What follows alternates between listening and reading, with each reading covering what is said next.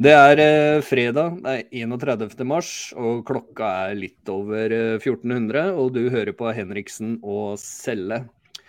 Og eh, velkommen eh, til fredagssendinga, Erik. Endelig ble det fredag istedenfor mandag. Ja, takk skal du ha, Tom. Ja. Jeg klarer jo å sende på fredager nå. Ikke sant? Så eh, vi har prøvd litt forskjellige dager, alt etter timeplanen vi har eh, hatt. Det har vært litt hektisk, for i dag gikk fristen ut for å levere lister for alle politiske partier klokka tolv i dag. Så det har vært en eh, vanvittig periode for de fleste politikere. Og eh, det skal vi snakke litt mer om senere i dag. Men jeg hadde lyst til å bare dra litt i begynnelsen hva vi skal igjennom. Vi må snakke litt om eh, IS-kvinnene, som nå bare blir omtalt som kvinner. Vi har en aupairordning som er under eh, angrep. Vi har overformynderiet, som ikke kjenner noen grenser. Vi ser at eh, Nei til eh, EU leder meget bra. Den siden har liksom bare økt og økt den siste tiden. Må, må innom Kongsberg og bedriften Namo. Og vi må så klart innom Trump. Og så har eh, Erik vært en tur i Finnmark og har med seg en eh, fantastisk bok som vi skal snakke om. Og I tillegg til det så skal vi ha med oss eh, Thomas Molte, første nestleder i partiet Konservativt i dag. Og det gleder vi oss til. Han kommer på litt senere i dag. Så nå, nå har det skjedd mye, og det som har kanskje skjedd som jeg syns er kulest, det er at du nå kan få tak i denne kaffekoppen for de av dere som ser så kan dere se nå at vi har fått uh, i nettbutikken til konservativt.no, så får du nå en fantastisk kaffekopp med Styrk familien, Styrk nasjonen, Norge ut av ACER og EØS. Og jeg har akkurat lest i avisene at det finnes bare ett parti som sier dette her. Nei, det gjør det ikke, fordi at dem var eh, ti år etter oss, minst. Og eh, nå er det på tide at vi også viser det. Så du som ser på, du kan eh, logge deg inn på konservativt.no, dra innom nettbutikken vår og eh, kjøpe deg en eh, fantastisk kaffekopp. Og være med og sponse partiet. Fordi du får eh, masse forskjellige kaffekoppvarianter med forskjellige politiske standpunkter, som ja til livet, nei, nei til EU, ut av ACER, nei til eiendomsskatt, vi trenger flere folkeavstemninger. Vi skal ivareta norsk vannkraft, den skal være på norske hender. Og vi skal styrke familien mor, far og barn. I tillegg så kan du jo også få tak i caps og en rekke andre ting. Ikke minst den T-skjorta Erik har på seg i dag. Som er uh, utrolig fine farger, Erik. Det må jeg si.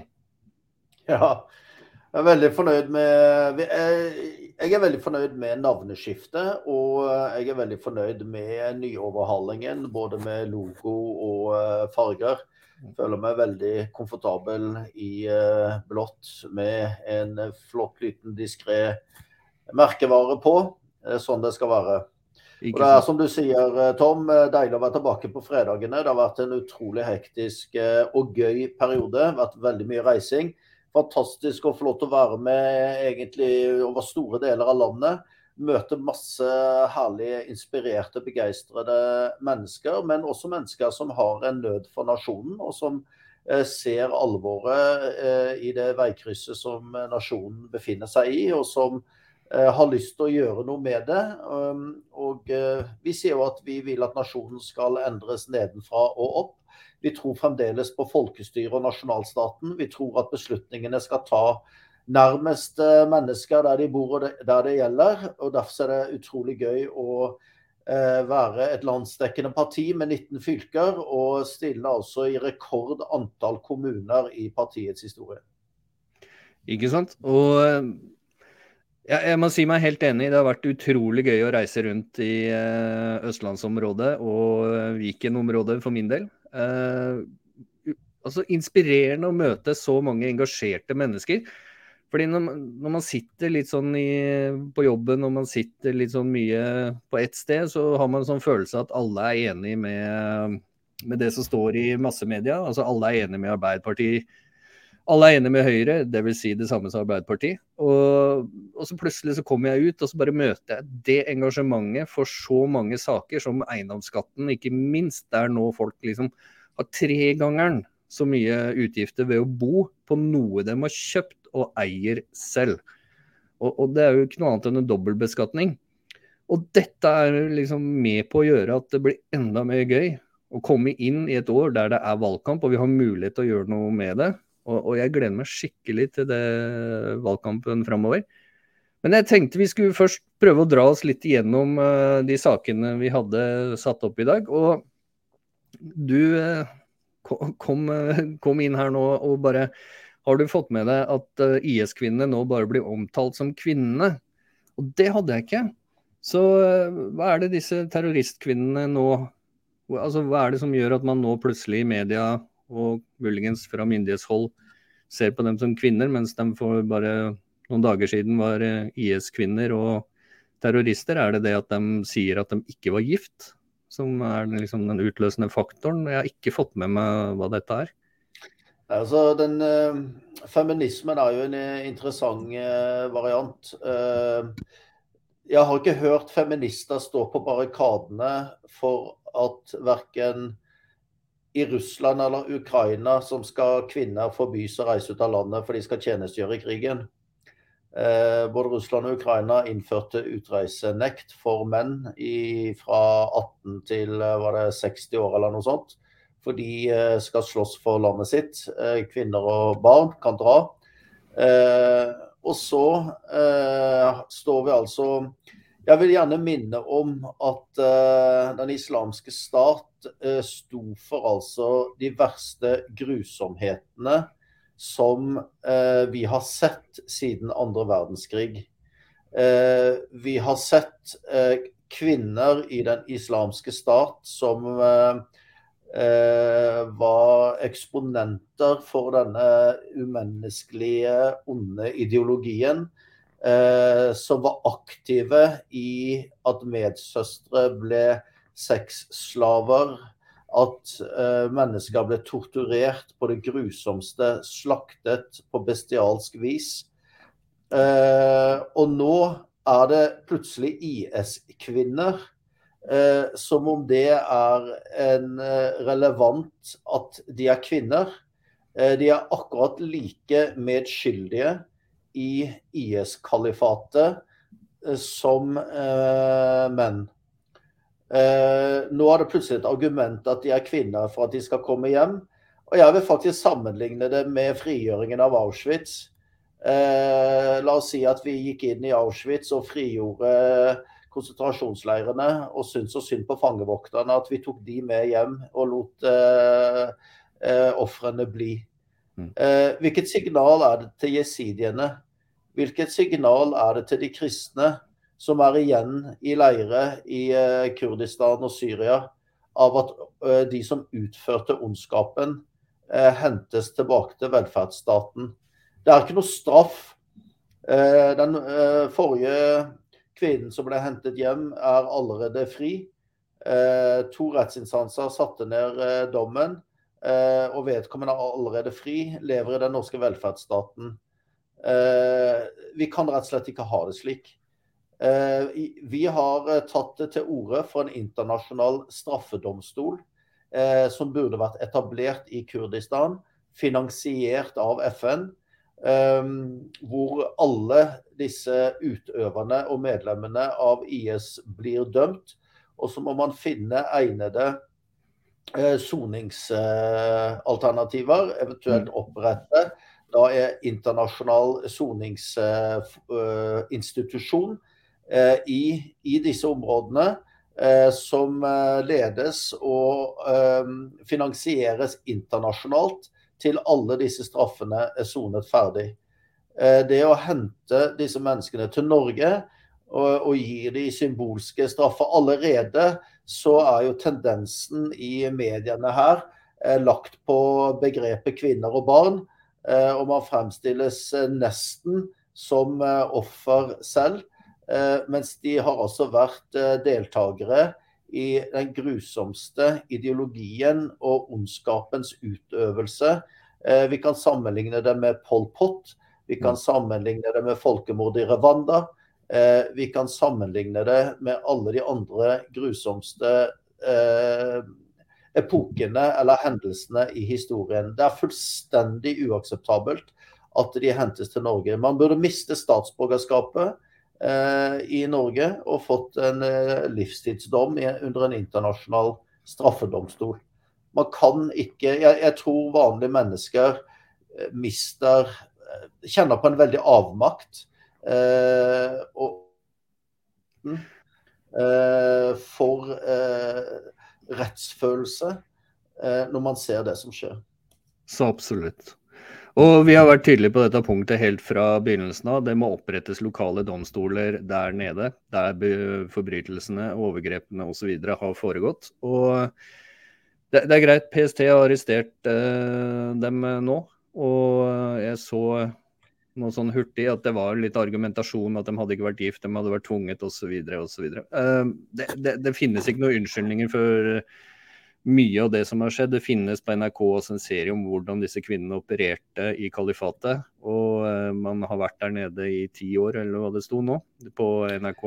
Og altså du er ikke lenger å regne som Altså Geir Lippestad, advokaten til disse damene, sa at de stilte frivillig til avhør og varetektsfengsling. Eh, for å unngå liksom støy. Eh, altså De er ikke engang pågrepet on site. Eh, de kom til Norge og skal etterforskes og stiller frivillig. Altså De er nærmest grei som eh, gidder å møte opp eh, for å liksom få avklart bildet. Ikke sant. Det er, eh, det er, det er et hån mot hver eneste jasidi-kvinne, hver eneste kristenkvinne hver eneste barn og hver eneste mann som blir halshugd og torturert og hatt som seksuelt slave i, under kalifatet, at uh, dette sirkuset får lov til å pågå. Helt klart. Og nå har vi fått med oss en uh, gjest fra Bergen. Og uh, vi tenkte først at han Thomas Molte skulle være den første som kommer på. Men nei da, det var Marita Molte. Hjertelig velkommen, Marita.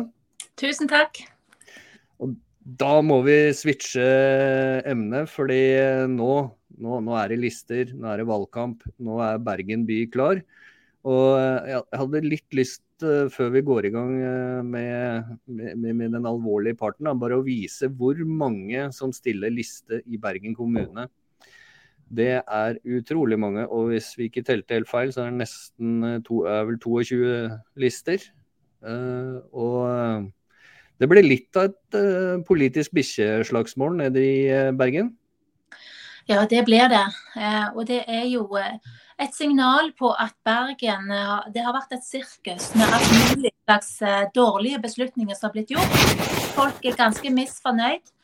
Og, og jeg tror at folk er, er på leit etter det rette partiet. Og eh, jeg tror at eh, konservativt eh, et, kan, kan, bli et godt alternativ for de som leter etter nye, nye koster inn i bystyret. Og jeg har tenkt å gjøre alt jeg kan for at at det skal være et godt alternativ for bergenserne. Ikke sant. Og hvordan var det å få, få opp liste? Det gikk eh, fort og greit, og dere har fått med en masse gode mennesker, har jeg sett. Jeg rakk akkurat før vi gikk i gang å bare se litt på lista. og jeg, jeg, gleder meg til å se alle menneskene i aksjon i Bergen, ikke minst fordi at vi trenger et skifte i hvordan man styrer eh, mange av byene i Norge. Ja, altså for, for, vår del i Bergen så har det vært eh, Vi kunne sikkert hatt en mye lengre liste. Vi har faktisk brukt dette året som har gått, brukt det veldig godt på å bygge opp av organisasjonen og bli kjent med hverandre. Og jeg opplever at den eh, gjengen som er på listen, og mange flere, de er så gira på å drive valgkamp nå eh, i, i, for dette valget og for konservativt.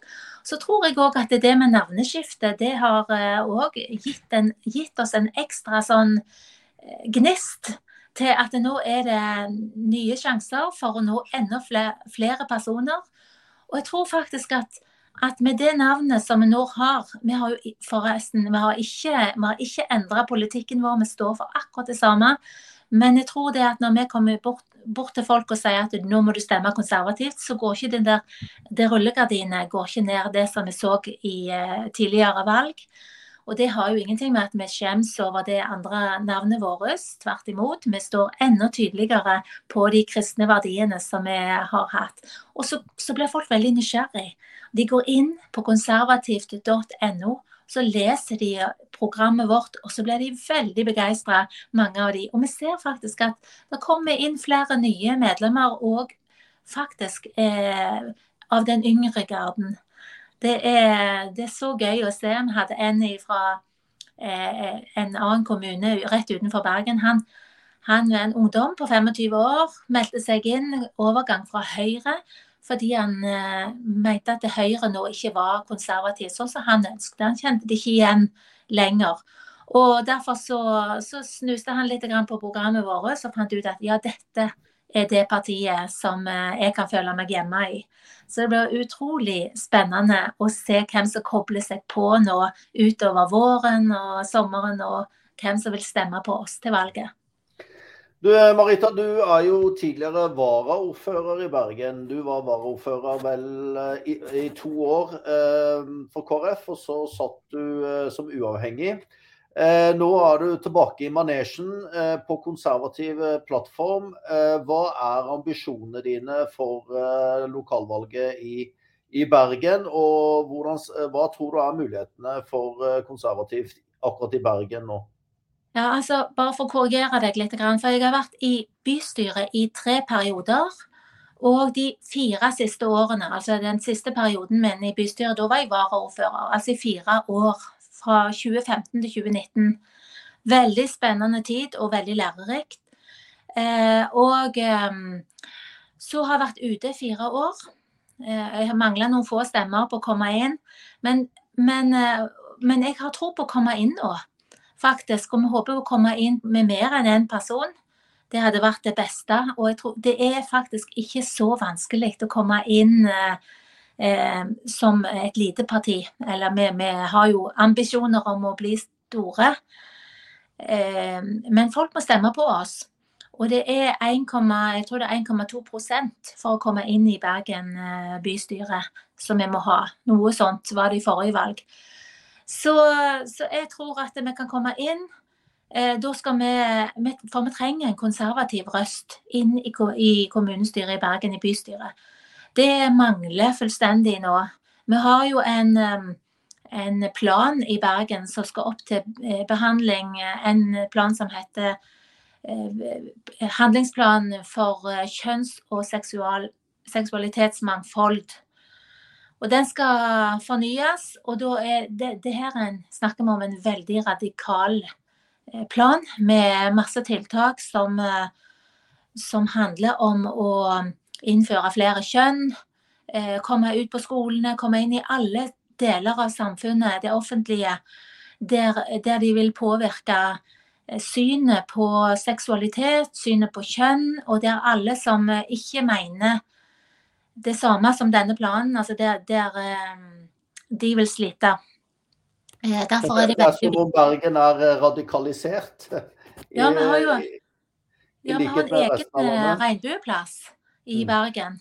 Du, Marita, du er også ved siden av å være ordførerkandidat eh, for konservativt i Bergen og lokallagsleder i Bergen, så er du også leder for PDK-sekretariat. Så du har eh, også et ansvar eh, nasjonalt. og det har jo vært veldig moro å se entusiasmen også i kommunene rundt Bergen, i, i det gamle Hordaland. Eh, kan du si litt om eh, hvordan det har vært eh, En ting er at vi klarte å skape lister, men, men folk vil jo faktisk stå på lister. Kan du si litt om hvordan arbeidet ditt de siste ukene har vært i forbindelse med det? Ja, Den siste måneden har jeg jobba ganske hardt rundt i, i, i, Hordaland. I noen av de kommunene. Vi klarer jo ikke å reise rundt i alle kommunene. Skulle jo hatt på på Voss og, og mange andre kommuner òg som, men, men vi har klart å berge noen kommuner. Stord og Askøy er de to siste som vi fikk inn nå. Og det, var, altså det, det som, er, som er gjenganger nå, det er at når du kommer rundt og skal fortelle til, til folk som møter opp, om politikken til konservativt og betydningen av at nå trenger vi faktisk eh, å stemme noe nytt inn, så ser de fleste De, de blir rett og slett eh, be, ikke bare begeistra, men de ser eh, at dette er tvingende nødvendig å få på plass noen som kan eh, få Norge inn på rett kurs og, og styre, styre, kommunene inn i, i, en annen retning enn det som de etablerte partiene har gjort. Vi trenger rett og slett noen som våger å si det som er sant. Så enkelt er det. For det, det, det, det, er så mange andre som sitter stille, som du skulle forvente at, uh, at de, de, sa noe i forskjellige saker. F.eks. For for eksempel, nå, nå, når, uh, nå er det blitt forbudt å dele ut Nytestamenter i skolene. Og man skulle jo tro at det var enkelte partier som burde ha reist seg opp og sagt nei, nei, dette blir vi ikke med på. Men her har de sittet stille i båten og ikke skapt noen bølger. Og, og latt dette skjer. Og det er òg eh, de, de, samme som, som, eh, som, eh, er med på nå å ikke si noe når, når, når det blir kriminalisert. Du blir, du blir, kriminell hvis du sier imot en del kristne verdier. Sånn at det, det er ganske rystende. Folk blir Ja, de våkner opp, kan du si. Og da, da har vi altså fått på plass når vi har spurt folk om de vil være med og stille på liste for å få inn representanter i de ulike kommunene, så, så sier de ja, dette må vi. Vi må bare. Det var en, en uh, Førstekandidaten i en av kommunene her som sier det at det, også vi, når det blir krevet, fikk han så sterkt for seg at det, dette her er bare helt nødvendig å gjøre. Så vi er veldig takknemlige for alle de syv listene vi har i Hordaland, og så har vi tre stykker i Sogn og Fjordane. Eh, og det er jo tre store kommuner i Sogn og Fjordane. Så, så, vi skal bre oss ut over dette landet og, og, skape en konservativ bevegelse utover hele landet. Det har jeg stor tro på. Ja, og I år er det valg, og det er 2023. Eh, men for nøyaktig ti år siden, det var 2013, da stilte vi til eh, valg i stortingsvalget i 2013 i hele landet. Men før det, i 2011, i lokalvalget der, stilte vi altså som Startet vi ut som en eh, lokallagsliste. En bygdeliste på Bømlo. Og der fikk vi 6,5 kom inn med to representanter. Og siden så har vi eh, sittet og vært representert i kommunestyret på Bømlo siden 2011. Og går faktisk inn i vårt eh, fjerde eh, lokalvalg på Bømlo. Hvordan ser eh, listen vår ut i Bømlo, Marita? I dag har Bømlo stilt eh, med liste, eh, og det er 16. 16 personer på den lista, og det er faktisk veldig gode, gode rutinerte eh, politikere. Heidi Nimosson er på nummer én, og hun, har, uh, hun er allerede inne i som vara og inne i et, ut, et av utvalg, oppvekstutvalg, tror jeg hun er med i. Og hun er en tydelig og klar røst på Bømlo. Så eh, vi kan være veldig stolt av hennes innsats. Hun er gira, og hun, jeg tror hun kommer inn, i hvert fall henne, men jeg tror det kommer flere fra Bømlo inn i, i kommunestyret. Det, det, er i hvert fall min magefølelse. For hun er ja, altså, og så har du akkurat vært på en eh, seiersreise i vårt nordligste, vidunderlige, vakre fylke Finnmark. Eh, og i nord blåser det gjerne litt, men eh, fornemmer du at det blåser en konservativ vind eh, også oppe i eh, Finnmark? Ja, det var bare Det var helt utrolig flott å reise. For min første tur til Finnmark, og å reise innover til, til Kautokeino. Eh, der vi møtte en fantastisk gjeng som i utgangspunktet ikke hadde tenkt å stille, men de ble så grepet av alvoret som er over landet vårt. Sånn at de, de bestemte seg for yes, vi stiller. Og eh, de mobiliserte på, på ett døgn. Så fikk de i stand ei liste. Og, og førstekandidaten der, Anne Leila, var så sporty og reiste rett ned på Var med på lokalradioen og presenterte den nye listen som førstekandidat. Jeg syns det var utrolig tøft gjort. Og det viser bare at disse folka her, de er det tak i. Jeg er veldig fornøyd med at uh, i forrige valgkamp så var vi i, uh, i debatt uh, oppe i Tromsø. Og da fikk vi terningkast fem som det partiet som var best på næringspolitikk og næringsutvikling i Nord-Norge. Og den, den, rosen vi fikk av avisen der, den har vi tatt med oss. Vi er Eh, mange kaller oss det gamle Høyre hva gjelder næringspolitikk. Eh, det er ganske godt eh, sagt. Vi tror fremdeles på nasjonalstaten og folkestyret, i motsetning til globalisme og elitestyre. Og jeg tror at næringsutvikling i, i nord er ekstremt viktig. Ikke minst i Finnmark, for å beholde befolkningsgrunnlaget. At offentlige tjenester og ytelser blir opprettholdt. Eh, og eh, at vi styrker nasjonen og styrker familien, styrker verdiskapningen og tar vare på vår kristne grunnvoll og arv, det gjelder like mye fra Kirkenes og eh, Vadsø og Båtsfjord som til Lindesnes og Førde og Måløy og Oslo. Og Derfor er jeg veldig veldig glad for at vi har et sterkt sterkt fotavtrykk i, over, i kommuner i hele landet, og selvfølgelig stiller i, i alle fylker. Eh, og Vi har jo vært ganske involvert i debatten rundt sykehusvalget i Finnmark. Eh, Hammerfest versus Alta.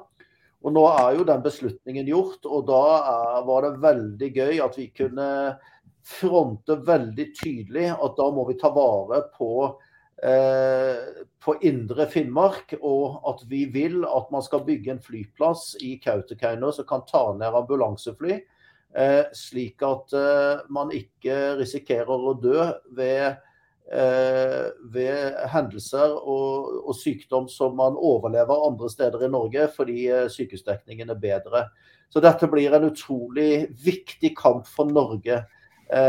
Styrk nasjonen, styrk familien, styrk verdiskapningen.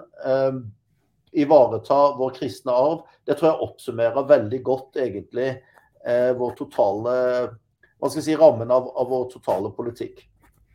Marita, tusen takk for at du var med oss. Eh, men, men, men, før hun drar, vet du, jeg har bare lyst til å vise dere nå allerede så har eh, media begynt å plukke opp våre fantastiske kandidater rundt omkring. Og her er ordførerkandidaten for uh, konservativt på Stord, som er intervjua i et større intervju. Nå har ikke jeg Skibsted-konto, så jeg får ikke lese den. Men uh, det er utrolig moro å se at også lokalavisene nå oppdager konservativt og, og er villige til å skrive om oss. Og jeg syns dette er kjempegøy. Og hun heter Kjersti Karlsen.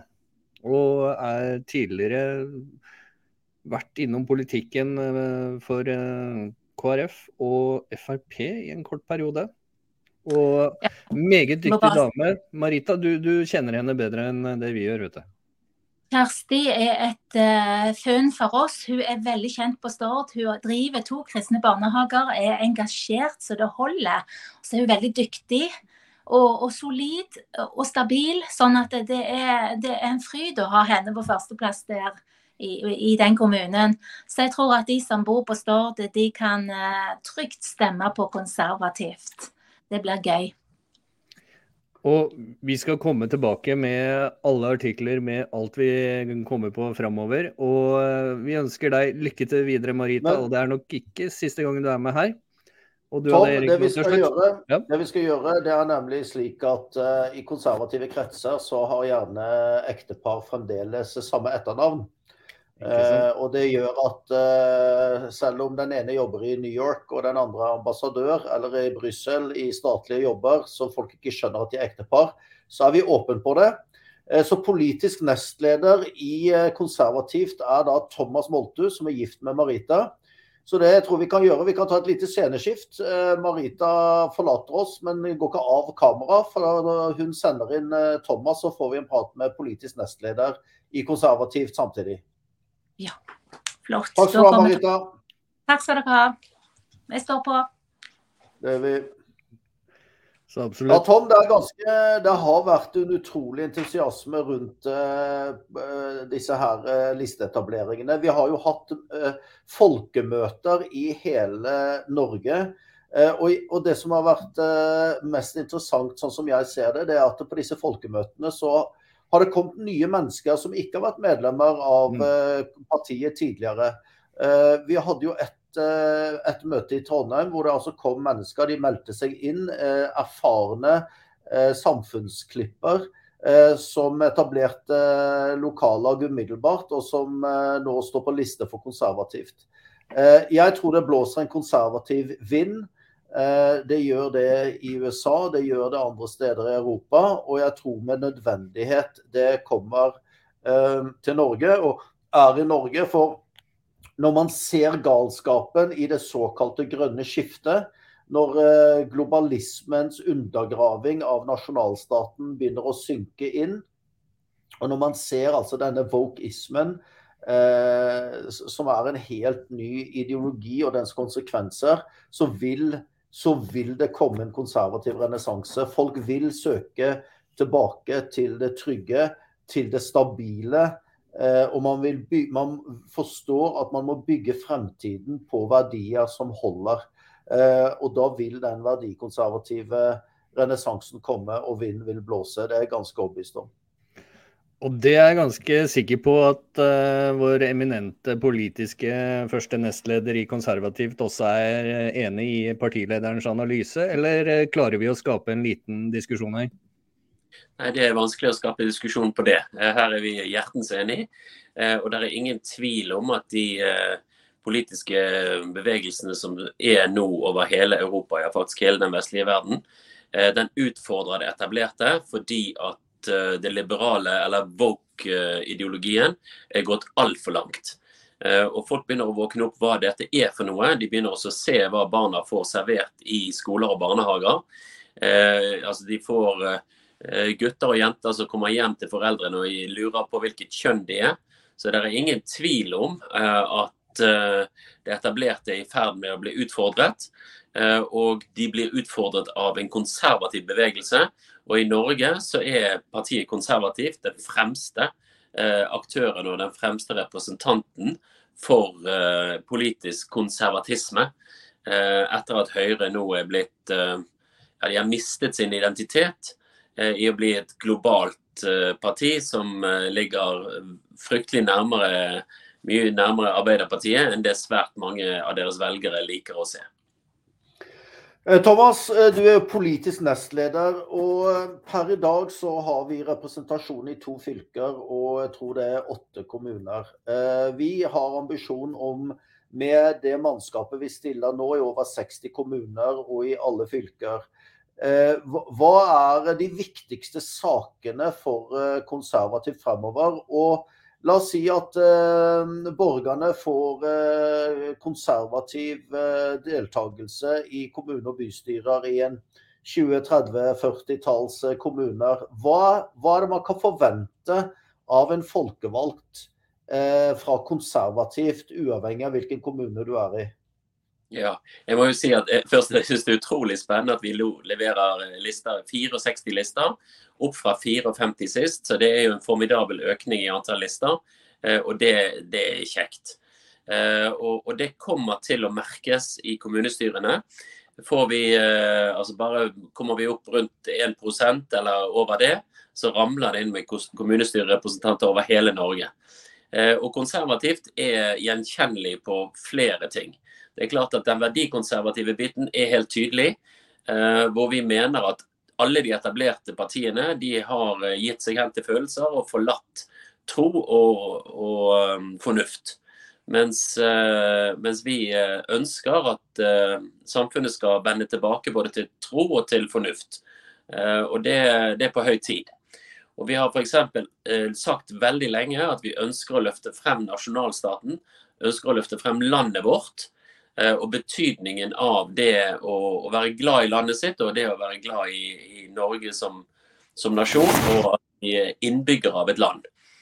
Så mens uh, alle de andre partiene i veldig stor grad driver og flytter makt utenlands, så er det et kjennetegn på konservativt at vi ønsker å fremme nasjonalstaten og nasjonalstaten sine interesser. Så er det klart at det er et, et kjennetegn på et annet kjennetegn på konservativt er at vi ønsker å fjerne finansieringen av rosa kompetanse i skoler og barnehager. Dette er òg et sånt Vogue-tiltak som er kommet inn over årene. Det er jo kommet inn allerede i ja, 2013-2014. Den gangen ble det vel eh, nærmest tvunget inn av eh, Kristelig Folkeparti. Og siden så har alle partiene gitt sin tilslutning til at dette er en god idé. Helt frem til foreldrene nå begynner å oppdage hva, hva som underviser i barnehager og skoler. Um, og det, det, så vi ønsker å trekke ut proppen på, på finansieringen. Uh, og heller bruke uh, offentlige midler på uh, gamle og, og trengende. Eh, og ikke ideologi og propaganda inn i, i skoler og barnehager. Eh, og Det tredje tingen som jeg har lyst til å løfte fram, er at vi ønsker å styrke næringslivet eh, og, og senke skatter og avgifter. Det, det vil en jo merke ikke bare for næringslivet, men også for privatpersoner. Vi ønsker å fjerne eiendomsskatten. Og i, i en kommune som Bergen så er det fullt mulig. En kan fjerne eiendomsskatten, en kan begynne med privathusholdningene. For der er det mulighet å, å, redusere. Altså Bergen kommune hadde et overskudd på i størrelsesorden 900 millioner. Og bruker en det på uh, eiendomsskatt, så uh, er veldig mye gjort. Vi ønsker selvfølgelig å, å, fjerne bompenger, det har vi sagt lenge.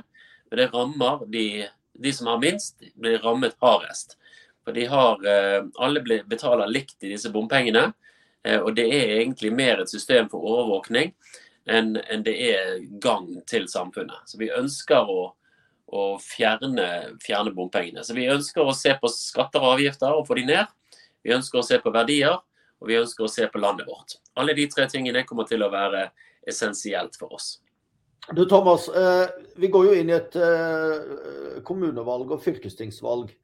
Eh, men det er jo ingen tvil om at et godt valg på kommune- og fylkesting vil gi oss en nasjonal tyngdepunkt. Legge et godt grunnlag for stortingsvalget som kommer i 25. Så hva, hva ser du som de viktigste nasjonale Altså vi er jo vi, vi, har hatt en, en uh, katastrofal nedstengning. Altså, vi hadde mer covid-smitte i 2022 enn vi hadde i året før. Uh, og det var ingen nedstengning. Det virka som om ingen husker det engang. Altså, det er ingen som diskuterer det. I går var det på VG-nyheter at man forventet en ny bølge av covid. Og, og den der, der veldig ekle hva skal vi kalle det for Det var nesten en sånn psykose, hvis man husker tilbake til 21. Eh, det var krigsretorikk eh, mot uvaksinerte.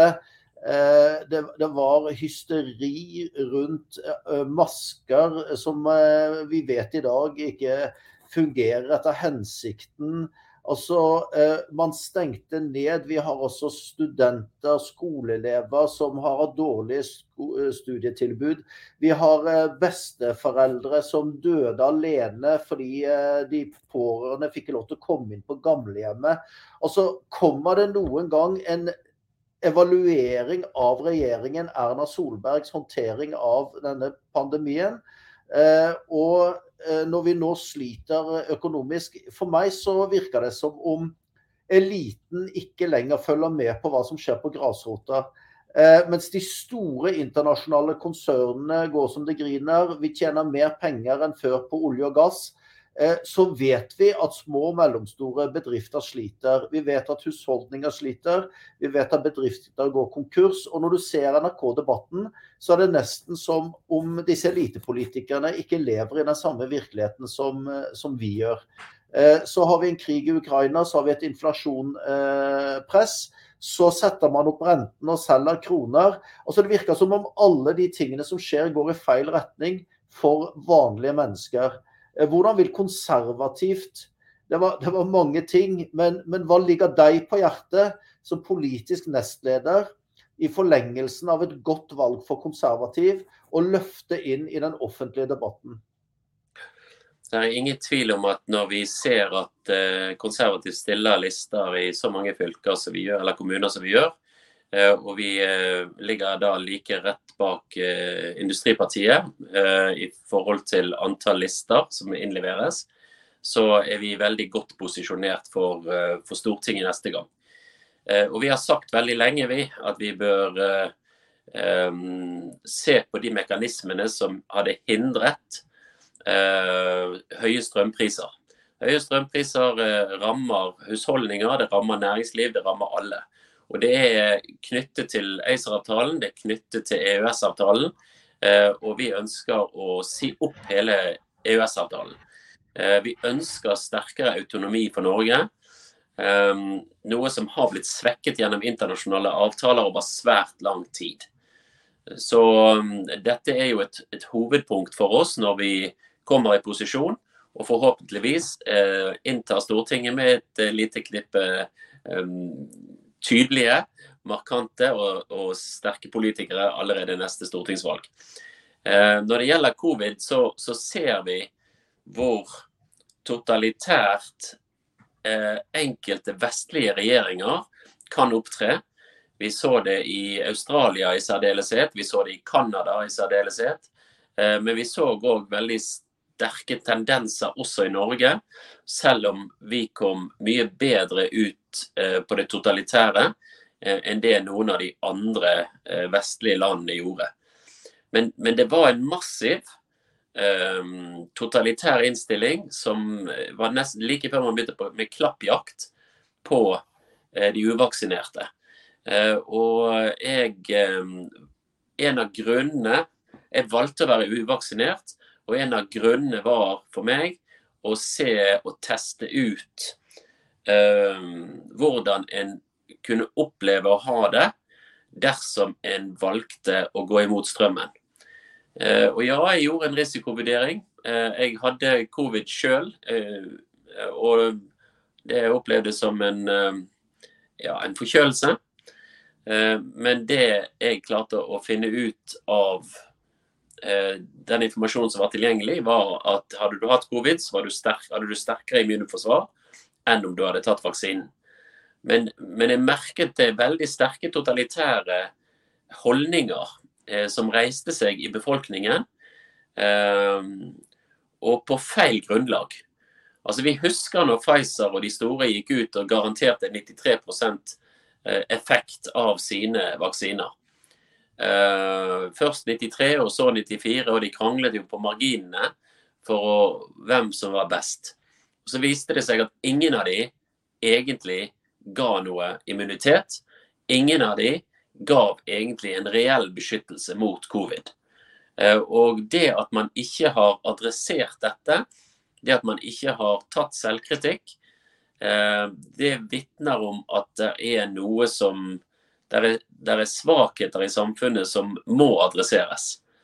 Eh, og myndighetene må komme til et punkt hvor de tar selvkritikk når de gjør så grove feil som de har gjort.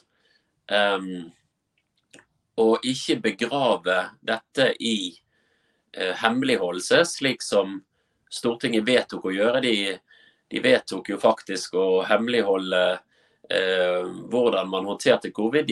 Først var det foreslått 100 år, men Stortinget reduserte vel det til 50 år, hvis ikke jeg husker helt feil. Men 50 år så er alle de ansvarlige politikerne som sitter på Stortinget døde eller vekke, og kan ikke holdes ansvarlig. Så hele den eh, agendaen med hemmeligholdelse, når eh, myndighetene agerer som de gjør, det er et sykdomstegn. Det er ikke bra. Du, Erna Solberg og president Joe Biden de la jo opp til at i mai i fjor så skulle de vestlige nasjonalstatene avgi styringsfullmakt til Verdens helseorganisasjon for global pandemibekjempelse. Eh, statsråden fra Arbeiderpartiet dro eh, til eh, Det var vel Genéve de var i og Da ringte jeg til Stortinget for å høre hva de andre partiene mente om dette. her, og Til min store forskrekkelse fikk jeg beskjed om at det var ingen som visste at Kjerkholt var eh, på møte i WHO, og det var ingen som visste hva hun skulle gjøre. Det er for meg et ekstremt sykdomstegn. Ekstremt skremmende at stortingspolitikerne faktisk ikke vet hva regjeringen gjør i en sak hvor man faktisk har tenkt å avgi suverenitet. Vi så jo da covid slo ut i 2020 hvor viktig nasjonalstaten var. Hvordan Brussel satt egentlig litt handlingslammet. Og det var lederne, de folkevalgte lederne i nasjonalstatene som tok grep slik de vurderte best for hver nasjon. Sverige valgte en annen modell enn Norge. De fikk jo kjempekritikk. Nå kommer Sverige ganske godt ut på dette her. Og det viser jo hvor, hvor farlig det er med sånne superunioner hvor svært få mennesker tar beslutninger på vegne av nærmest kontinent, og hvor viktig nasjonalstaten er. Heldigvis så ble dette forslaget fra Erna Solberg, altså fra Høyre, Arbeiderpartiet og Demokratene i USA, ble stemt ned av resten av verden. Mens de såkalte vestlige liberale demokratiene ville undergrave sine egne nasjonalstaters beslutningsmyndighet, så sa hele Afrika, store statene i Latin-Amerika, India sa nei, og dermed så falt det. I, men Arbeiderpartiet og Høyre i Norge fortsetter å synge den samme strofen om å få lov til å avgi suverenitet i strid med Grunnloven. Hvordan, hvor viktig sak er dette for konservativt, Thomas? Den er helt fundamental viktig. Og det er, står si, øverst på agendaen vår det at vi sikrer vår egen nasjonale suverenitet. Og jeg pleier av og til å si det at hvis du har politikere som eh, ikke tror på sin egen evne til å styre, for det er jo det de gjør når de avgir suverenitet, så bør de byttes ut med noen som har tro på sin egen evne til å styre. Og konservativt er der. Vi tror på folkestyret i Norge. Vi tror på demokratiet i Norge, og vi ønsker å gjenreise den nasjonale selvråderetten, styrke den, og gleden over at vi er en selvstendig nasjon. Og det, det vil stå øverst på agendaen vår i, i lang tid fremover, helt frem til vi lykkes. Det er utrolig mange ting vi kunne prate om. Vi ser Sylvi Listhaug ble jo skjelt ut for å snakke om svenske tilstander. Nå bruker Mains, de samme avisene som skjelte ut Sylvi Listhaug for et par år siden, bruker begrepet svenske tilstander i egen retorikk. Denne her globaliseringsliberalismen som snakker om multikulturalisme, den blir jo snarere fort en balkanisering. Hvor, hvor, mye, altså hvor heterogent kan et samfunn bli før det blir balkanisert? Og hvor viktig er det å faktisk få kontroll på, på innvandringen, Thomas? Altså det, det, er viktig å få kontroll på innvandringen. Og der vil jeg vel si at det, det, kjernen, sånn som jeg oppfatter det, er at vi har kontroll på hvem som blir statsborgere, eh, og hvem som eh, slipper inn i landet. At vi har en grensekontroll som er trygg, eh, og at vi har et forhold til dette med statsborgerskap i Norge. Vi skal ta vare på mennesker, men det betyr ikke nødvendigvis at det er en selvfølge at en får et statsborgerskap. Og det betyr slettes ikke at vi ikke har kontroll på grensene våre. Så vi må ha kontroll på grensene våre. Eh, og vi må eh, ha et eh, regelverk som gir en, et, riktig, et riktig system for å ivareta statsborgerskap i Norge. Så, og det men det er vel også slik at altså, vi har jo ulike visumregler for ulike land. Og det er jo fordi ja. at uh, man har en vurdering av kulturell nærhet. Altså, man burde, det burde være veldig lett å være amerikaner og komme til Norge, vice versa. Danmark og Sverige har jo liksom kroneksempler på broderfolk. Eh, og så er det da eh, ulike visumregler ut ifra forhold eh, både mellom nasjoner og i de nasjonene man kommer fra. det er jo ikke noe det er ikke, det er ikke noe urimelig at uh, den samme type tenkning gjør seg gjeldende uh, når, for folk som søker statsborgerskap, f.eks. Det er jo ikke noe selvfølge at man skal få statsborgerskap i Norge bare fordi man har vært der. Nei, det er ingen selvfølge. Eh, si, min store aha-opplevelse kom for mange år siden. Det var under den store debatten om vi skulle ta 8000, 10 000 eller 12 000 flyktninger fra eh, Nord-Irak, altså i forbindelse med IS og, og fra Syria. Eh, og eh, da ringte jeg til en venn av meg som sitter i det kurdiske parlamentet. Eh, kurderne er jo et fantastisk folkeslag. De har jo òg eh, sterk representasjon av kvinner i, i, parlamentet, selv om det er selvstyremyndigheter. Det er jo ikke en nasjon. Eh, så jeg ringte til henne, fordi at de hadde jo tatt imot en enorm mengde med, med flyktninger. Og spurte henne hvordan ser dette ut fra utsiden. Vi har en debatt om vi skal ta imot 8000, 10 000 eller 12 000 flyktninger i Norge. Hvorpå hun svarte at vi har tatt imot ca. 1,8 millioner flyktninger om du tar ut 8000, 10 000 eller 12 000 eller 50 000 flyktninger herfra, så er det ingen som merker at de er vekke.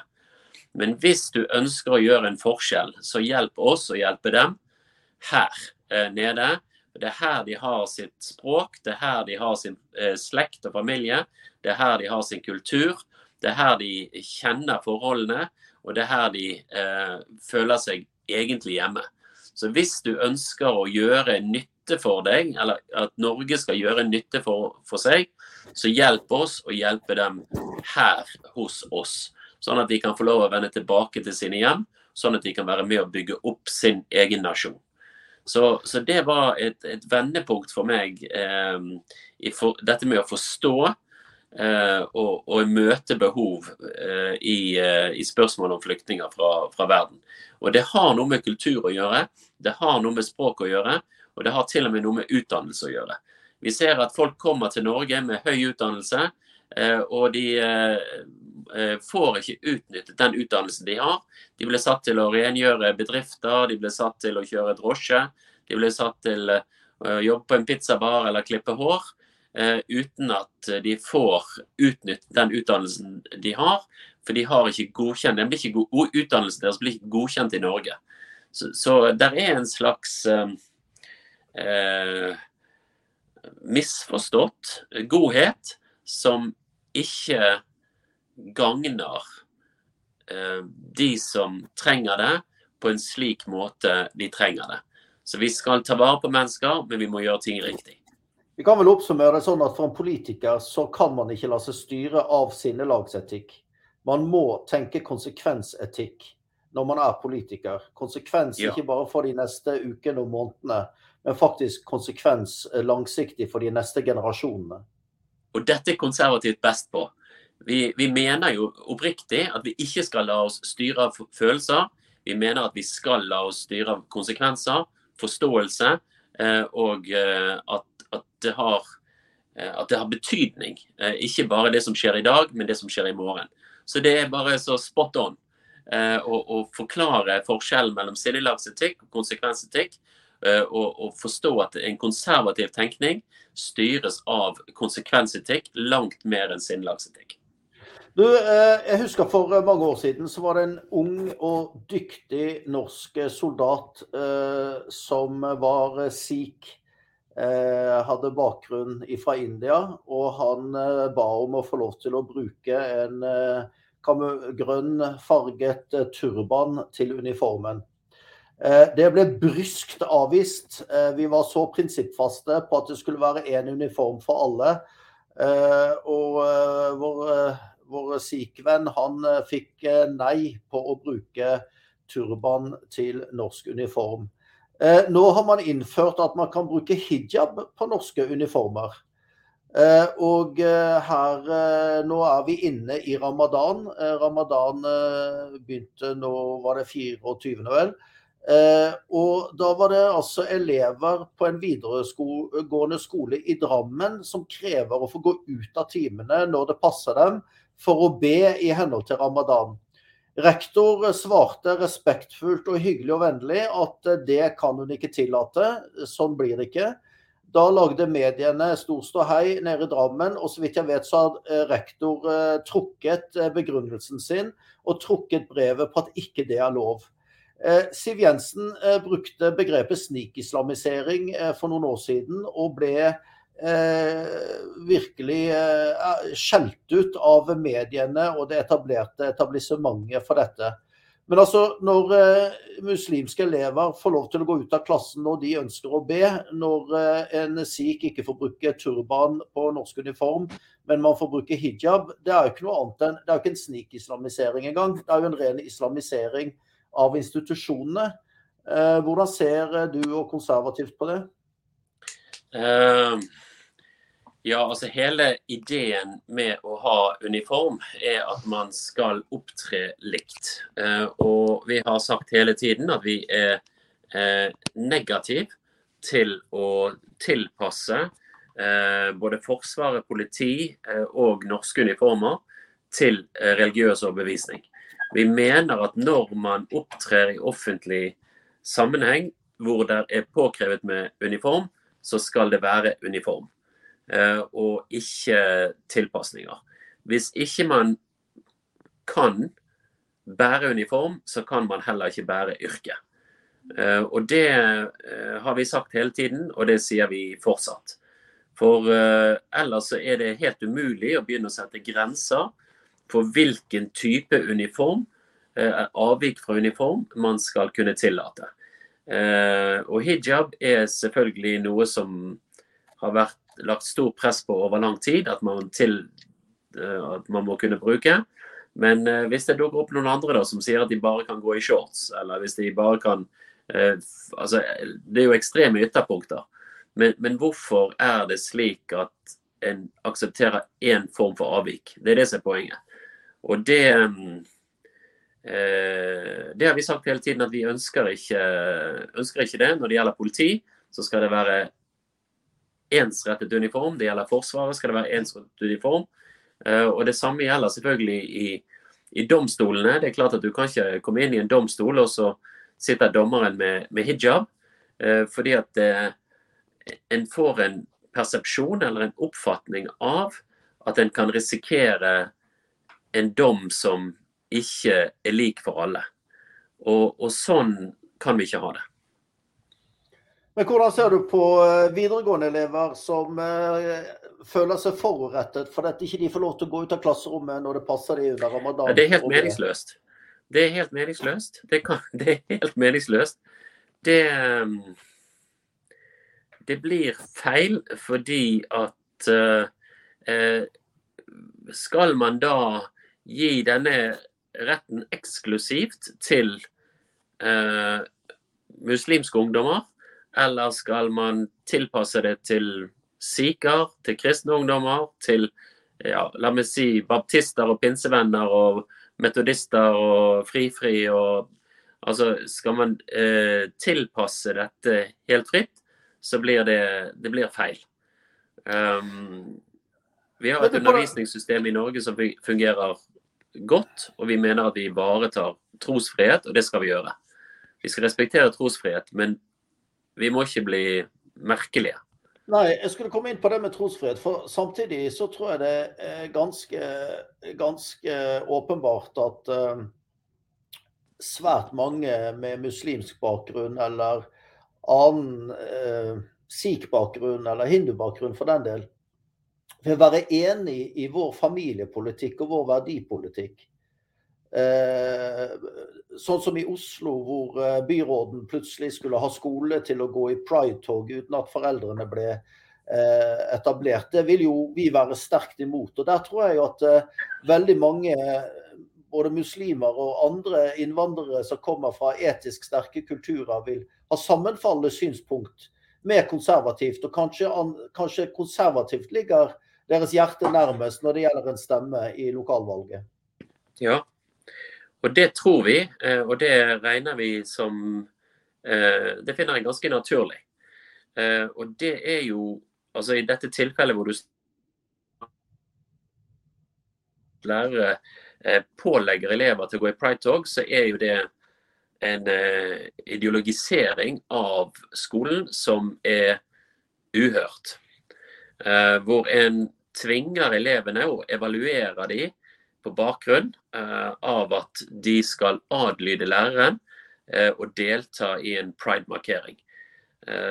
Så FRI, som er, står jo som eier av Pride, er jo en forening som hvor de sjøl definerer seg for en forening for um, kjønns- og seksualmangfold. Uh, og det er ikke sikkert, uh, ikke, bare, ikke sikkert, men det er klart at det er mange som ikke identifiserer seg med Foreningen FRI. Uh, og det er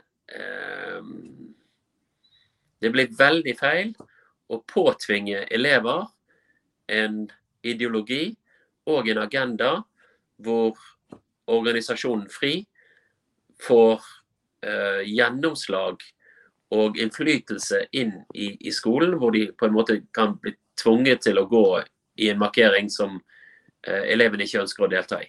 Det blir veldig feil. Du, Thomas, du har jo bakgrunn fra KrF, jeg har bakgrunn fra Høyre, og mange i i vårt parti har noen av bakgrunnen fra Senterpartiet. Vi har til og med folk fra den gamle konservative Håkon Lie-skolen i Arbeiderpartiet. Eh, vi har eh, folk med bakgrunn fra Frp, og vi har en hel rekke mennesker som aldri har vært politisk eh, aktiv før, som ser på konservativt som et nytt håp.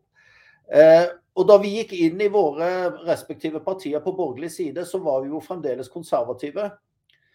Eh, men hva har skjedd med de partiene som vi var en del av, og hvorfor sitter vi i et parti som vi nå følte vi måtte starte, som heter konservativt? Ja, Det er et knakende godt spørsmål.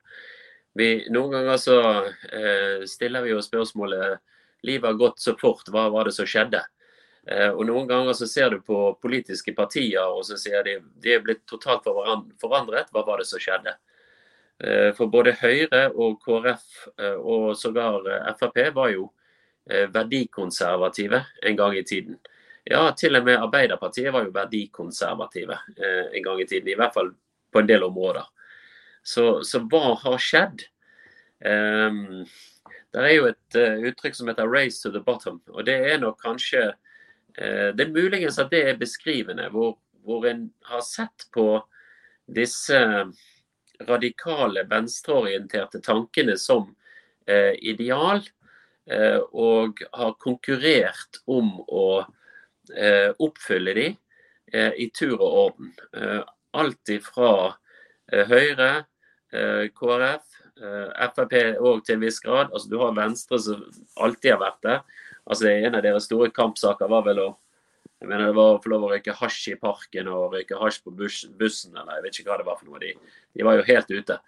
Uh, og uh, det har vært en slags en utvikling, en samfunnsutvikling, hvor, hvor uh, en har mista forankringen på det som er varig.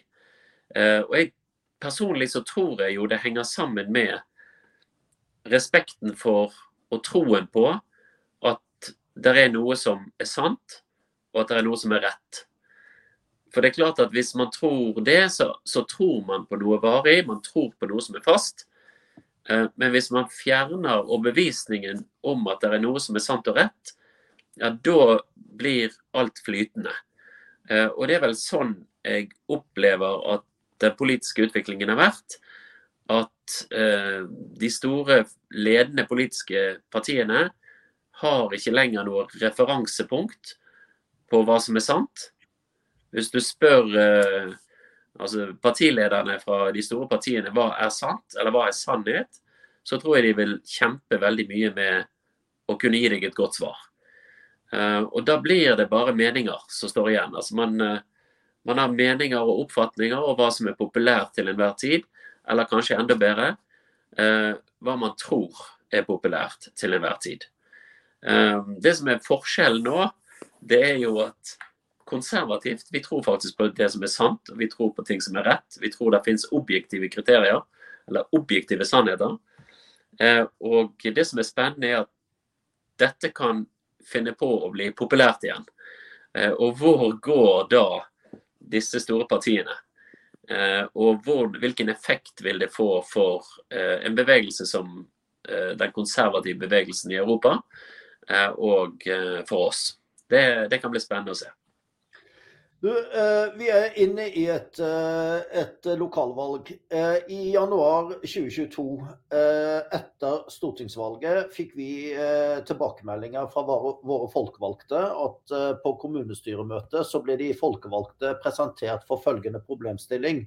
Hvordan skal vi implementere FN-agenda 2030 i vår kommune? Eh, for meg så står det nesten Det er nesten en form for kuppmakeri. Altså, da jeg begynte å skrive om FN-agenda 2030 for første gang for mange år siden, så ble det omtalt som konspirasjonsteoretikere. Eh, jeg var konspirasjonsteoretiker fordi jeg snakket om FN-agenda 2030. Eh, den var jo vedtatt før den ble offentliggjort.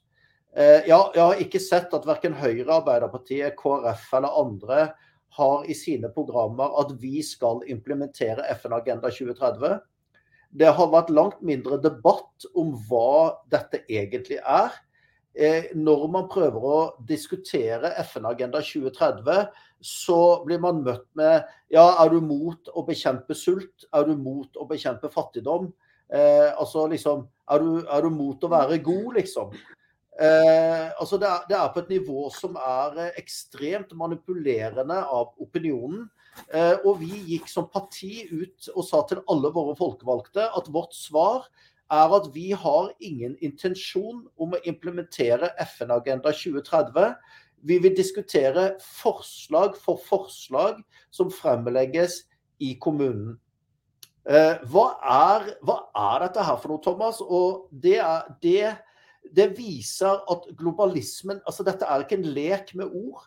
Eh, det er faktisk realpolitikk som prøves å dyttes på nasjonalstaten. og altså Det er en form for totalitær ideologi som fremmes av de som hevder at de står for et liberalt demokrati. Og vi som er konservative, det er faktisk vi som nå holder fanen oppe for det liberale demokratiet bygd på John Lockes frihetsideer om liberalisme eh, og Edmund Burkes konservativisme av å ta vare på de verdiene som har vist seg bærekraftige for en, en nasjon. Eh, og dette trykket har vi tenkt å holde oppe, Thomas. Eh, både på kommunalt nivå og på nasjonalt nivå, eller? Mm. Ja, Altså, FN hadde jo en god intensjon i begynnelsen, i hvert fall sånn som jeg oppfatter det. Altså, Man eh, samlet eh, nasjonene og, og, prøvde å få til en, eh, en arena hvor man eh, sikret fred. Eh, og eh, en arena hvor man kunne hvor verdens ledere kunne drøfte utfordringer uten å komme til væpnet konflikt.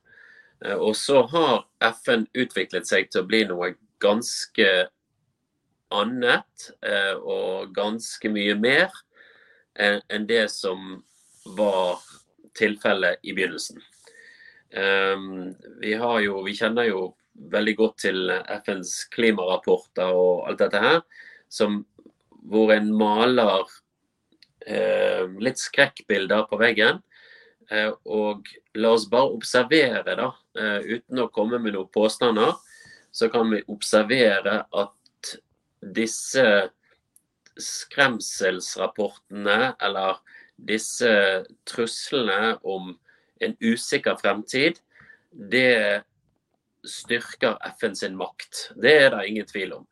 Eh, vi har verdensledere, vi har politikere, vi har mennesker som i stadig større grad henvender seg til FN og spør etter deres løsninger på på enten det er klima, eller det er sult, eller det er krig og fred, eller det er eh, politiske løsninger, eller det er skattebekjempelse, eller hva det Altså ikke Ja, altså eh, Og da tenker jeg ikke skattespørsmål, da. Eh, og da tenker jeg spesielt på dette med eh, skatteparadiser og den biten der. Så det er, er, stadig flere områder hvor FN eh, får eller tar seg til makt, alt dette sånn.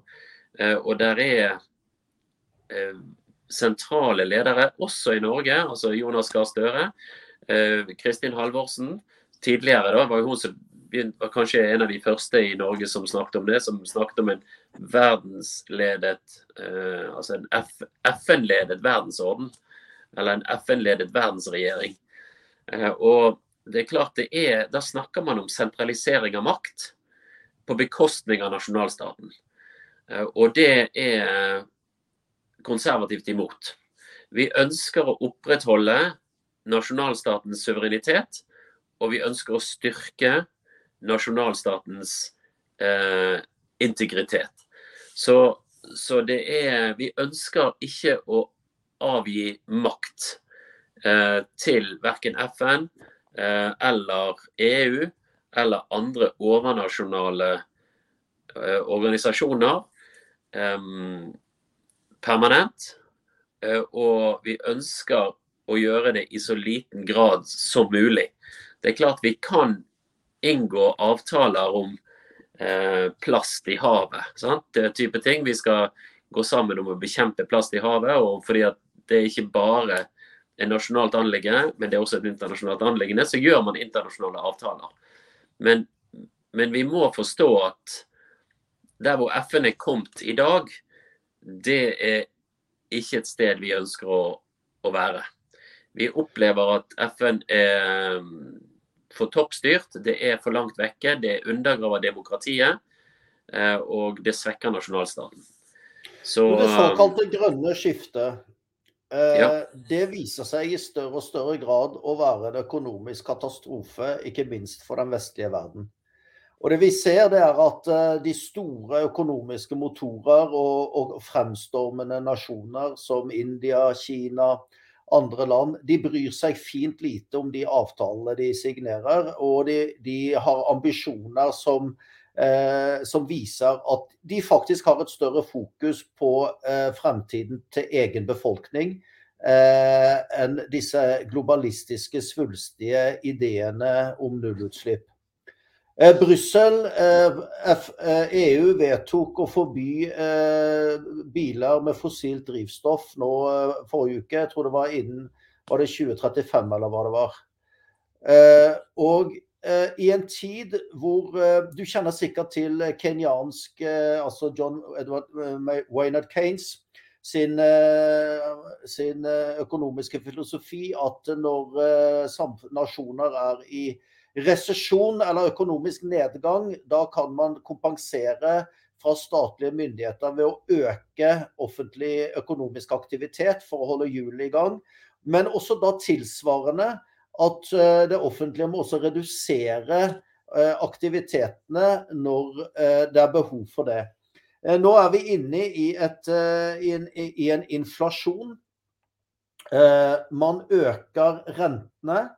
Eh, Norges Bank eh, øker nå rentene på grensen til katastrofalt. Eh, vi vet at eh, de forrige gangene vi så at eh, man kompenserte med renteøkning, så fikk vi finanskrise. Eh, og etter mine begreper, istedenfor å øke rentene nå, så burde man jo redusere den offentlige pengebruken. ikke minst i disse store såkalte klimaprosjektene.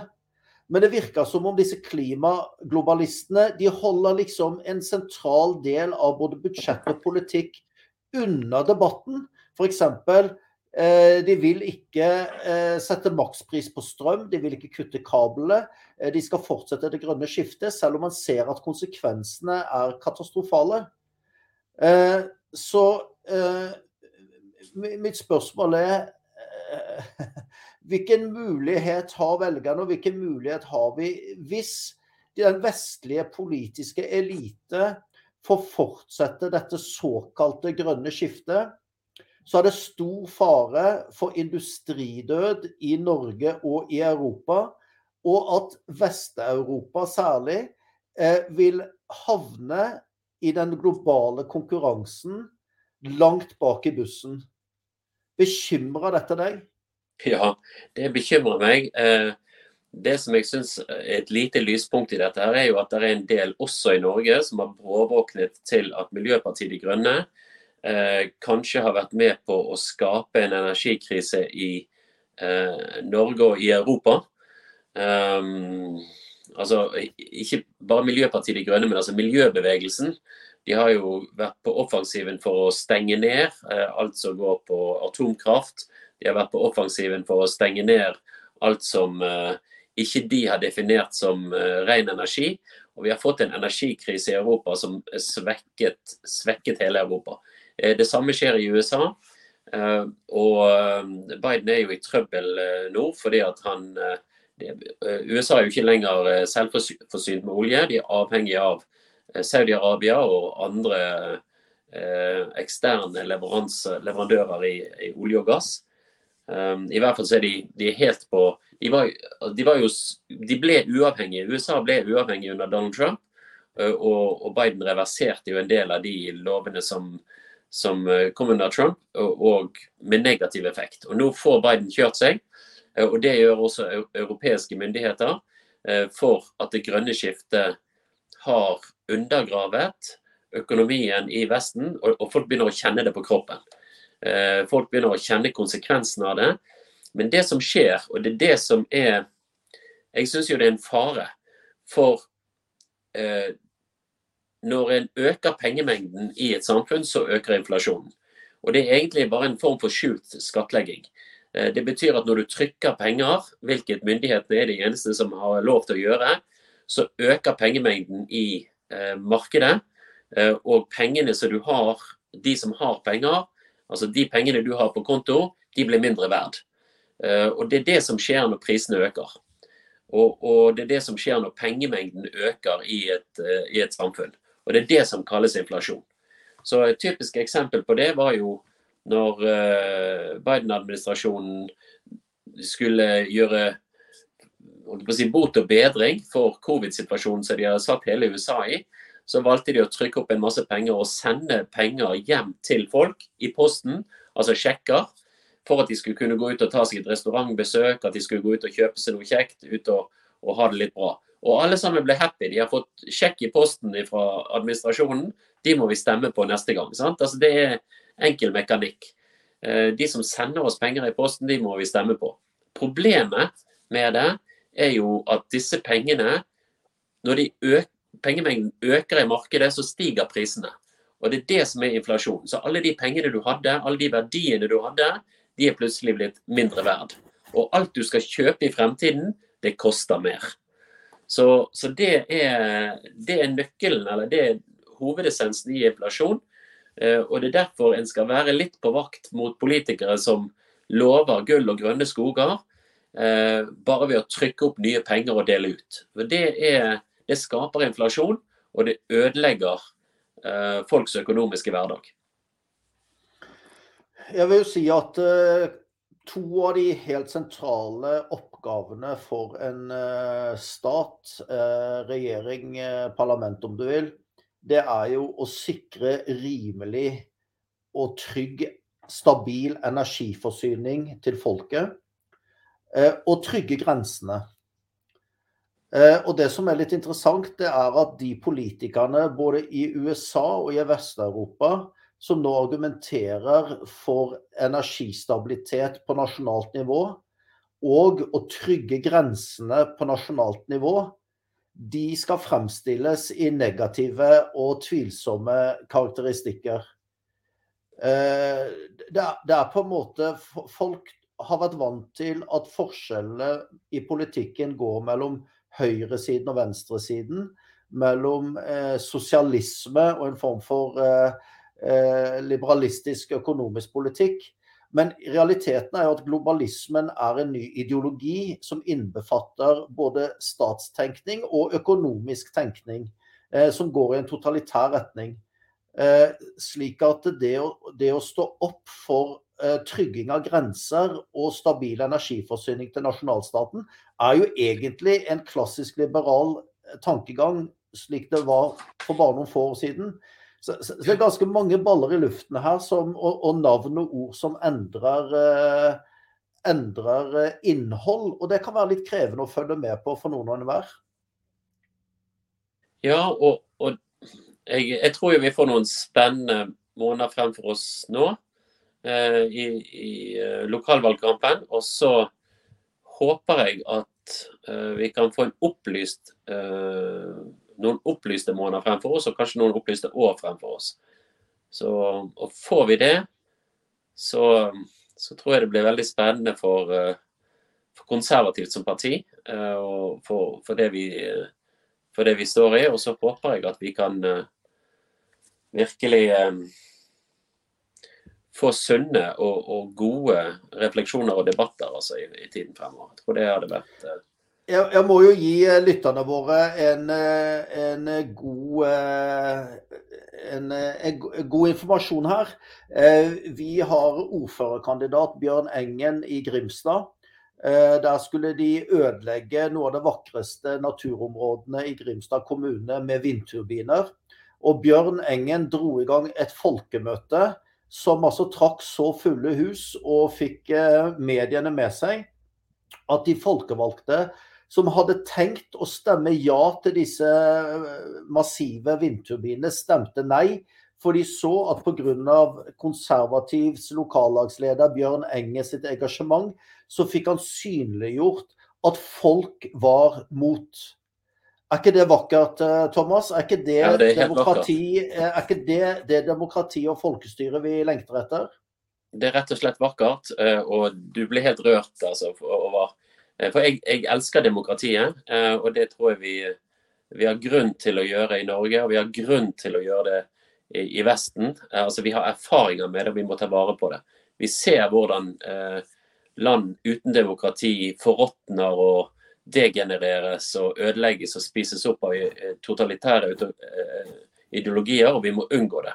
Så jeg syns det er en fantastisk historie. Eh, og så, jo, så treffer det jo konservativt midt òg i, i, kjernen.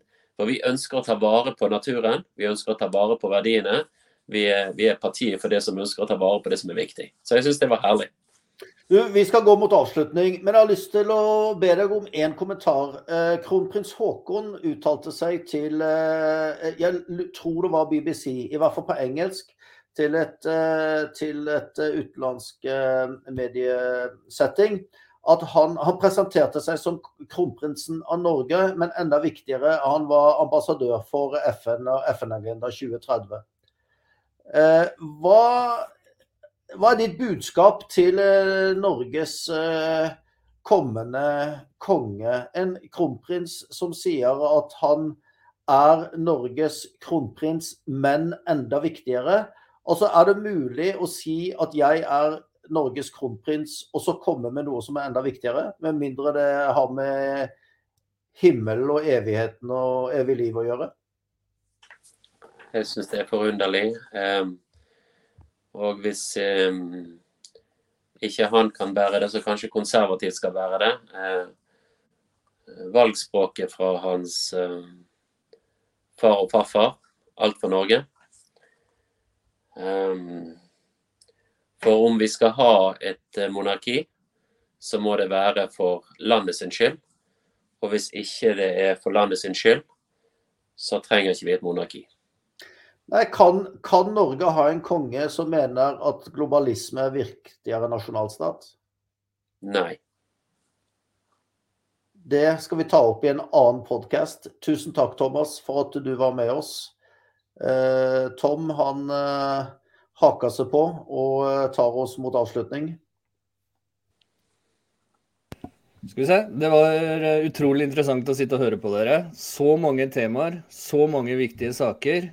Og ikke minst, du må lese nøye hva partiene står for, og sørge for at du stemmer riktig. Og det er konservativt i 2023 og 2025.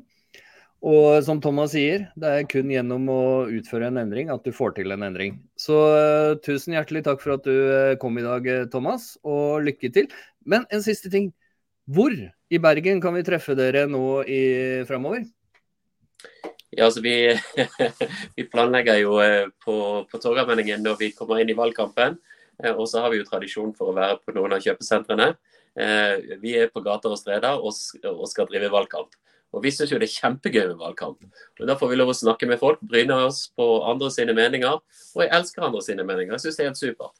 Så, for da får vi ja, å dele det vi står for. Men vi, vi planlegger å være på Torgallmenningen. Vi planlegger sikkert å være på Lagunen. Eh, og vi kommer nok til å være andre steder òg. Så um, jeg er en av de som gleder meg til valgkamp. Jeg syns det er kjempegøy. Tom, alle i Bergen og alle som reiser til Bergen, kan treffe oss eh, lørdag 29.4. Den helgen har konservativt landsmøte i Bergen. Og da skal vi ha en event på Torgallmenningen fra klokken 14 til klokken 17.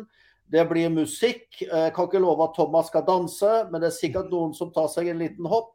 Det blir eh, blå T-skjorter, pikéskjorter, det blir ballonger, det blir taler, det blir appeller.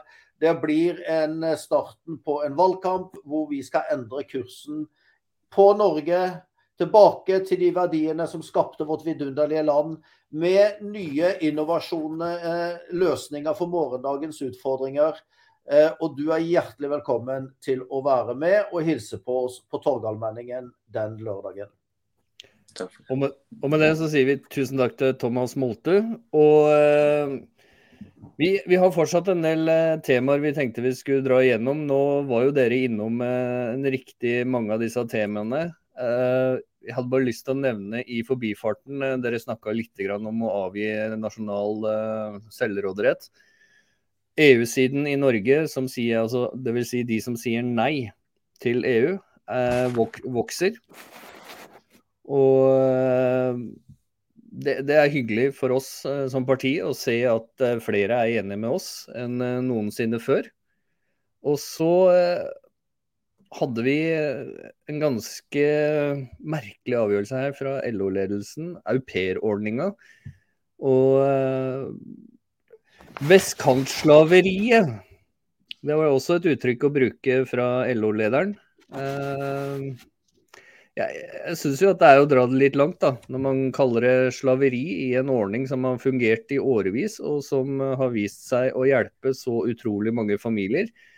Og som faktisk har gitt varige vennskapsforhold, og ikke minst har uh, gitt uh, varige nye familierelasjoner på tvers av uh, kulturer og nasjoner. Og Erik, hva, hva, er dine tanker rundt at uh, man går så hardt ut og kaller det vestkantslaveri? Fordi slaveri forbinder jeg med noe helt annet enn aupairordninga. Ja, dette er jo den samme regjeringen som henta IS-kvinnene hjem. For de klarer ikke å se hvilket slaveri de har uh, utsatt andre for. Det henger jo ikke på greip i det hele tatt. Det viser hvor vanvittig inkompetent denne regjeringen er på stort sett alle punkter. Uh, de vil avskaffe fullstendig aupairordningen altså Man skal fjerne muligheten for å søke oppholdstillatelse som au pair i Norge. Eh, jeg så Marte Mjøs Persen eh, sa på Dagsrevyen at eh, det er ingen som bor i blokk som har au pair, det er bare folk i enebolig. Altså Dette er splittende retorikk. Det er, eh, det er eh, negativ retorikk, og det er feil. Jeg kan informere Martin Mjøs Pedersen om at jeg og min kone var nyutdannede akademikere som bodde i blokk. Eh, vi kjørte bil til 20 000 kroner. Eh, vi prioriterte. Vi hadde, vi, lagde, vi hadde faktisk flere barn på samme soverom. Eh, og vi hadde ekstra, ekstra rom til au pairen vår fra USA. Eh, fordi for å, for å eh, løse eh, tidsklemmen, for å bygge et godt hjem, så hadde vi en fantastisk Vi hadde faktisk to au pairer mens barna var små. Den ene au pairen ble hos oss i flere år. og den første au pairen, der var min eldste datter blomsterpike i bryllupet hennes. Vi ble venn med familien til denne au pairen. Eh, også den andre au pairen har blitt en familievenn, eh, bygget bro mellom land. Eh, og det er ikke en eh, Den kan selvfølgelig misbrukes, denne aupairordningen, som alle andre. Men det er ikke noe grunn for regjeringen til å forby det bare fordi at eh, de ikke liker det, eller at eh, Jeg vet ikke. En av de rikeste mennene i Norge er Jonas Gahr Støre, leder for Arbeiderpartiet. Jeg tipper at egentlig går du inn i Arbeiderpartiets rekker, så har det vært au pairer der i uh, ville vekk. Dette er symbolpolitikk. Uh, det er klassisk talentløs sosialistisk symbolpolitikk. Aupairordningen har faktisk vært en mulighet for folk fra lavere økonomiske samfunnslag rundt omkring i verden til å komme til Norge, til å oppleve kulturutveksling, til å kanskje få nye muligheter eh, som ikke de ville hatt hvis ikke de kom til Norge. Dette er en, dette er en eh, ordning som har tjent eh, både fattige og rike mennesker og alle midt imellom. Det har vært en, en, en, si, lavterskelmulighet for kultur. Eh, kommunikasjon.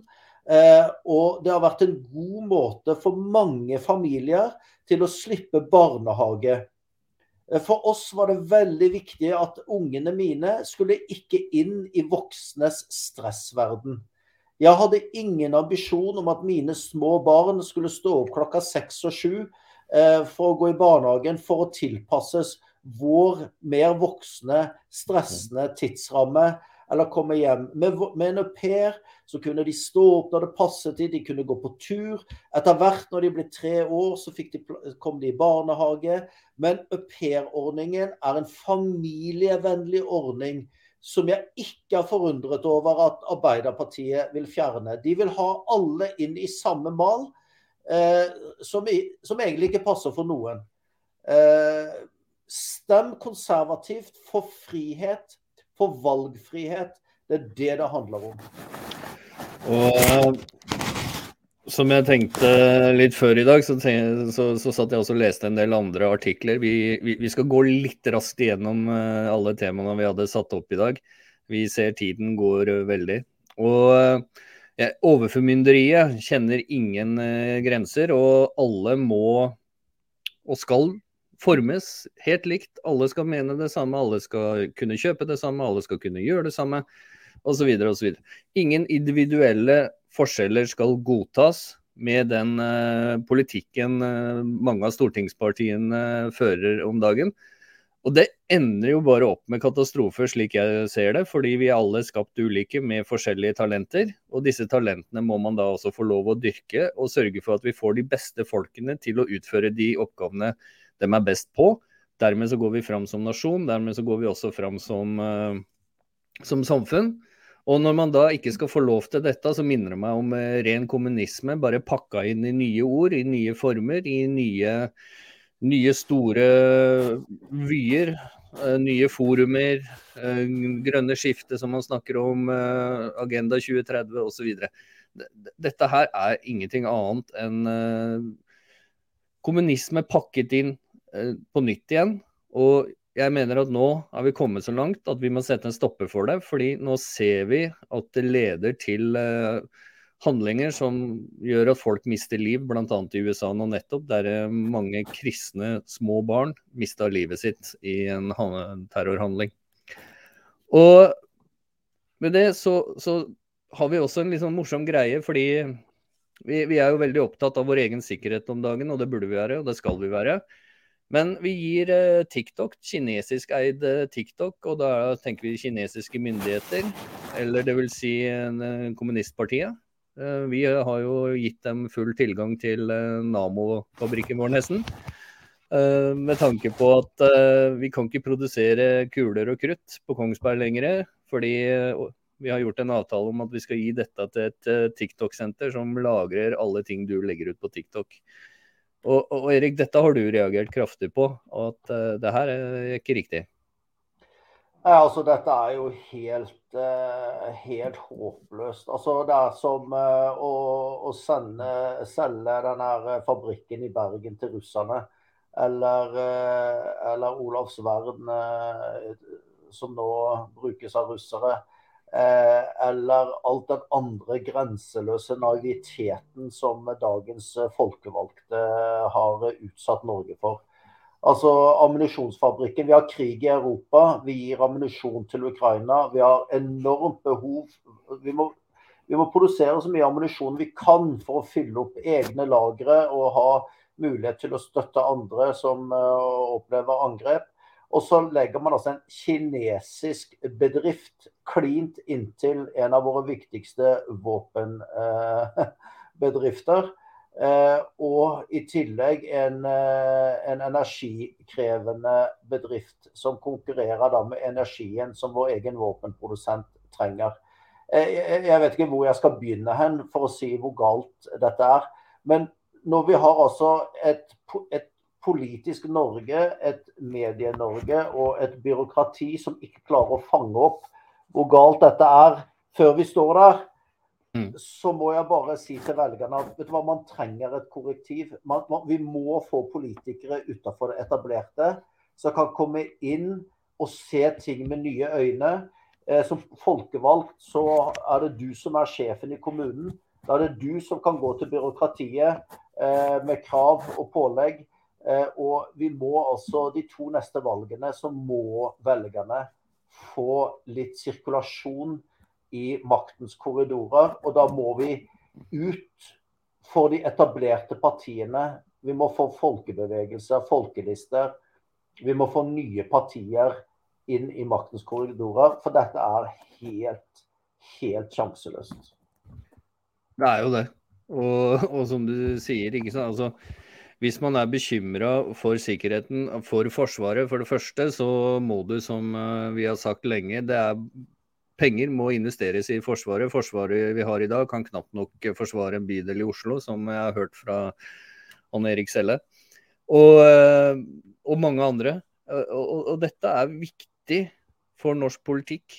er nettopp denne vimsinga hit og dit. Altså, det kan du sette en stopper for med å stemme på oss og sørge for at våre kandidater har en mulighet til å stå opp i kommunestyresalen og så si dette går vi ikke med på. Komme med interpellasjoner, komme med gode forslag, få lov å være med og forhandle om hvilken politikk som skal føres i kommunene på fylkesnivå, og ikke minst eh, når vi kommer eh, i 2025 og stortingsvalget er over.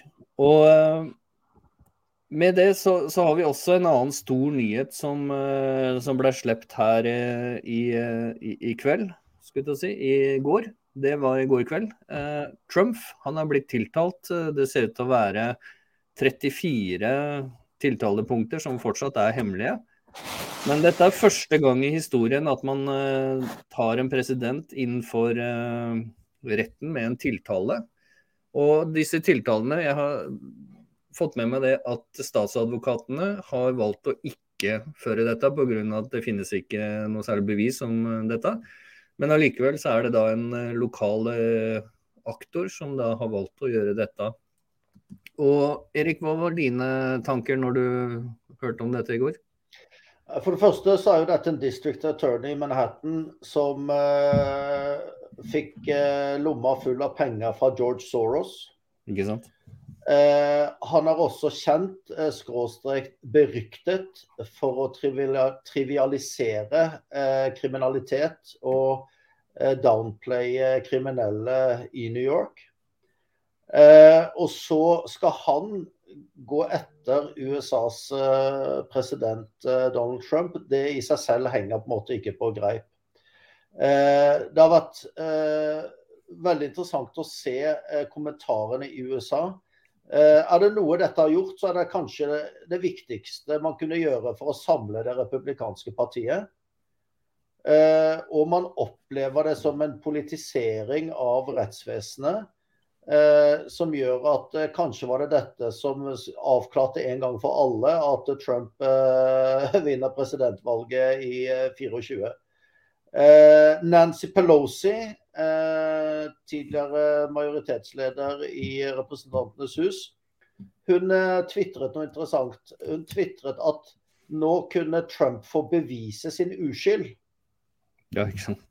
Eh, og hvis du tenker gjennom det, så, så kanskje det, det, viser hvor eh, altså, Hun avslørte kanskje hvor politisert dette er. Eh, for de lager et sirkus hvor Trump skal bevise sin uskyld. men Poenget er at du er uskyldig til det motsatte er hva for noe? Bevist. Bevist ikke sant? Det er påtalemyndighetene som har bevisbyrden. Eh, så at dette oppfattes en politisk heksejakt. Eh, og, og, hvis man skulle legge liksom eh, Hvor er, hvor er tiltalen mot Bill Clinton? Han betalte ut hysjpenger til diverse damer. Eh, hvor er tiltalen mot eh, Hillary Clinton, som altså eh, hadde egen server med hemmeligstemplede e-mailer. Der, Altså, slapp, der må jeg bare bryte inn, for der slapp de i dag. Hun fikk en bot som hun har betalt for at hun hadde mm, altså ikke oppbevart informasjonen riktig, i tillegg til at Steele-dossier viste seg å være falsk. Så hun fikk en liten bot. Ja, og, men det hun har gjort i forhold til eh, altså Det hun gjorde det, det sitter altså soldater på mange års fengselsstraff for eh, en mikroforseelse av samme kategori som Yes. Hillary lanserte noen tusen e-mailer på en server som ikke var godkjent. Så det, Mm. igjen, det er, det er ingen eh, det, altså retts, det, USA fremstår som en bananrepublikk. Og det må man erkjenne uavhengig om man eh, liker Trump eller ikke. Eh, man altså Det er vel ingen president i historien som har blitt prøvd og tatt ned med så mange udemokratiske midler fra sine politiske motstandere som Donald Trump, og hvert eneste forsøk har falt. Og det er klart Når man har ropt ulv, ulv mange nok ganger, eh, så, begynner, så tror jeg kanskje det begynner å slå tilbake igjen på demokratene. Og jeg tror at demokratene undervurderer hvordan dette kan slå tilbake på dem. Og Jeg har sittet og lest en del kommentarfelt eh, på amerikanske medier eh, i natt og i, i formiddag. Eh, og, og det som jeg synes går igjen, det er mange skriver at jeg hadde ikke tenkt å stemme på Trump, men nå skal jeg gjøre det. Dette, altså, det, altså Selv moderate både demokrater og republikanere som, som ikke tilhører si, noen av fløyene, ser hvor uh, Dette er en trussel mot hele de, den demokratiske orden, rett og slett. Eh, så, dette er en, eh, en, en kengururettssak på linje med det vi ser i andre bananrepublikker. Og, og jeg er bekymret for USA. Jeg er bekymret. Selv Alan, professor Alan Dershowitz, pensjonert jusprofessor på Harvard, som er en selverklært demokrat og sier at han har ingenting til overs for, for Trump, har sagt at dette er, eh, dette er ikke bra. Eh, sånn kan vi ikke ha det. Eh, så, så dette er eh, dette skal bli interessant å se hvordan det slår ut, men jeg er bekymret for USA. USA er, eh, det, det er på en måte vært, det har vært eh, frihetens fyrtårn i verden med dens feil og mangler og styrker og svakheter. I hvert fall fra vår side i Vest-Europa så har eh, USA sikret vår frihet i Europa gjennom eh, to verdenskriger og en kald krig.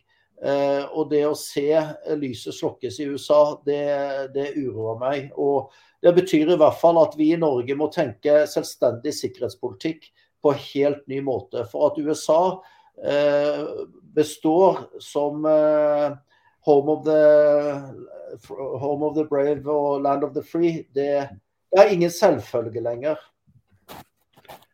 Nei, og, og vi i Norge bør også tenke oss veldig godt om når vi er på vei til å lage et uh, topartisystem bestående av Arbeiderpartiet eller Høyre. ikke sant? De bare bytter på å ha 20-30 uh, Vi kan fort ende opp i samme situasjon. Ikke minst fordi vi har et av verdens største byråkratier, om ikke verdens største byråkratier i landet her.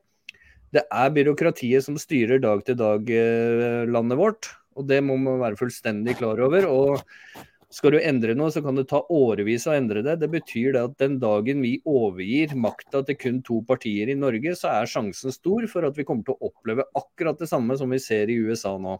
Og Ja. Og vi er, på vei, vi er langt på vei inn i et nytt embetsmannsvelde. Det var jo Det det dette er. som ble opphevet i 1884 med innføringen av parlamentarismen, eh, med de bekjente ord 'all makt i denne sal'. Eh, Norge var et embetsstyrt eh, nasjon, eh, men vi ville være et folkestyrt nasjon, og vi er tilbake til embetsmannsveldet. Og det er, eh, det er, som du sier, ekstremt viktig. Nå går vi på autopilot og veksler mellom en statsminister fra Arbeiderpartiet eller Høyre. Og det er, jo, det er jo katastrofe for velgerne. Erna Solberg har blitt intervjuet flere ganger. Ja. Har du en annen politikk enn Arbeiderpartiet i energipolitikken, i utenrikspolitikken? Nei, sier hun. Vi får den samme strømkrisen, vi får den samme energikrisen. Vi får den samme retningen om vi får Høyre eller om vi får Arbeiderpartiet. Så man, velgerne må reorientere seg i det politiske landskapet. Senterpartiet kunne vært et uh, tredje alternativ i norsk politikk. Uh, men de er jo mer schizofren enn noe annet parti. De hadde landsmøte nå nettopp hvor de sa nei til elektrifisering av Melkøya. Og det første de gjør i Stortinget er å støtte det og stemme for det og si at vi går for det likevel. Du kan faktisk Du har ingen du har ingen idé om hva Senterpartiet vil gjøre. De, står, de sier én ting i valgkampen eh, og signerer noe annet i Hurdal-plattformen. Og det ble faktisk sagt på Senterpartiets landsmøte at vi kan ikke bare ta hensyn til programmet vårt, men vi tar hensyn til Hurdalsplattformen. Det er to forskjellige partier. Er det noe parti som virkelig har fortjent å få seg en smekk i denne valget, så er det Senterpartiet. Vi trenger et konservativt, et troverdig, konservativt parti i Norge eh, med innovative løsninger og frem i skoa, fremoverlente løsninger for morgendagens problemer. Trygt plassert i de verdiene som har skapt vår nasjon. Og da er det, sånn som jeg ser det, konservativt som er kanskje det beste muligheten som velgerne har. Det er den eneste muligheten velgerne har akkurat nå. Fordi um, igjen, jeg vil oppfordre alle som da kanskje er førstegangsvelgere, Sett deg inn i programmene til alle partiene, ikke bare hør på hva vi sier. Du må huske det at et parti gjør hva som helst for å selge sine beste saker. Og så er det kanskje noen politiske saker man kanskje ikke vil at allmennheten skal vite så mye om. Derfor så har jo vi hatt podkast i mange mange år, altså radiosendinger. Vi har bare lagt alt på bordet. Og så har vi sagt dette er det vi står for, dette mener vi, og dette har vi tenkt å gjennomføre hvis du gir oss din stemme. Og de andre partiene har ikke helt den samme åpenheten og ærligheten rundt sitt program. Og jeg vil utfordre deg som førstegangsstemmegiver. Utfordre dem på dette her, og, og, se hva du får til svar. Og vi, vi, går inn uh, litt for landing her nå. Og du hadde vært oppe i uh, Finnmark. Du eh, viste meg en bok før vi starta sendinga. Og den var visst ikke tilgjengelig eh, hvor som helst, men eh, hvis du er i Finnmark, så skal du kunne få tak i boka. Var det slik jeg forsto det? Ja, jeg, eh, jeg elsker Finnmark uh, i særdeleshet, og Nord-Norge generelt. Og jeg har vært lenge opptatt av hele Norges historie. Og endelig så fant jeg på en fjellhytte midtvei, midtveis mellom Alta og Kautokeino. Der er Norges, og jeg lover deg, jeg har spist burger i hele Norge i mange valgkamper. Og den beste burgeren i Norge finner du eh, på fjellstuen omtrent midtveis mellom Alta og Kautokeino. Eh, der hadde de også denne boken 'I partisanenes eh, fotspor', eh, skrevet av en eh, lege i Kirkenes som mistet sitt hjerte til Finnmark og ble sin karriere der oppe, og har dokumentert partisanenes eh, betydning for frigjøringen av eh, Finnmark under andre verdenskrig. Eh, og der ledet meg videre til en bok som heter 'Moskva kjenner ingen tårer', som ble skrevet av en av partisanene, Harjo het han, som satt vel 13 år i Gulag i Sovjetunionen. Eh, hans kommunisme ble brutalt plukket fra ham da han så virkeligheten i Sovjetunionen. Eh, kommunismen, marxismens glorifiøse utopi ble et mareritt for eh, millioner på millioner på millioner. Vi har fremdeles et regjerende kommunistparti i verden i dag eh, direkte fra Gulag-perioden i Sovjet, nemlig det kinesiske kommunistpartiet. De opprettholder konsentrasjonsleirer i dag. De eh, opprettholder et syn eh, på mennesket og borgerne som er totalt annerledes enn det som vi har i eh, vår vestlige verden og i det kristne sivilisasjonsgrunnlaget. Så det er, denne boken gav en dyp innsikt, god innblikk i partisanenes betydning i frigjøringen av Finnmark. Eh, det er et sterkt vitnesbyrd om en kommunist som mister alle illusjoner om kommunismen. Eh, og sånn så er det et vitnesbyrd om både fysisk frihet for en nasjon og en intellektuell frihet for et menneske hvor ideologi ikke ble avkledd før han så konsekvensene, eller kjente konsekvensene av ideologien på kroppen. Som han sa, han var en troende kommunist, men den troen døde i Gulag. Derfor så er det veldig farlig når man har ideologier som begynner med no platforming, som eh, brenner bøker, eller som redigerer bøker, hvor bøkene ikke lenger passer med dagens rådende ideologi. Hvor debatt skytes ned, eh, hvor vitenskap stenges ute. Det er et veldig, veldig farlig spor. Du skjønner kanskje at noe av dette høres mer kjent ut enn vi liker å tro. Eh, så i partisanenes fotspor Jeg kan bare anbefale en tur til Finnmark. Eh, kjør, og, og, ikke stress. Det er så vakkert. Spis Norges beste burger. Og det var flere eksemplarer av den boken der i, i, på Fjellstua. Men partisanenes historie for Finnmark er veldig viktig for norsk historie. Og det har litt å si for vårt forhold til Russland også. Eh, at, eh, at eh, med, med ondskapen i Sovjet, så var de allikevel med på frigjøringen av Finnmark. Eh, og vi har hatt et godt grenseforhold eh, mellom Norge og Russland på vår felles grense. Eh, og det, spesielt i denne tiden, er det viktig historie å ta med seg i ryggmargen. Eh, og i bagasjen når vi analyserer dagens situasjon, som vi ikke skal gjøre i denne podkasten. Ja, vi må spare litt til uh, flere podkaster framover. Og I tillegg så vil jeg si at det er veldig god ostepølse med bacon i Alta. Så uh, Så når du da er ute og reiser, så, eh, så, har du fått noen gode tips i dag. Du har fått uh, høre framtidens uh, politikk. Du har uh, blitt litt bedre kjent med situasjonen ellers i verden. Og vi går inn i påsken. Vi skal feire påske.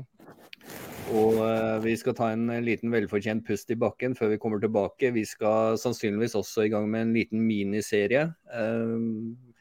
Vi skal finne tid og folk og alt mulig sånn. Vi har fått et veldig godt forslag inn til oss på en liten miniserie med en del snutter på 15 minutter.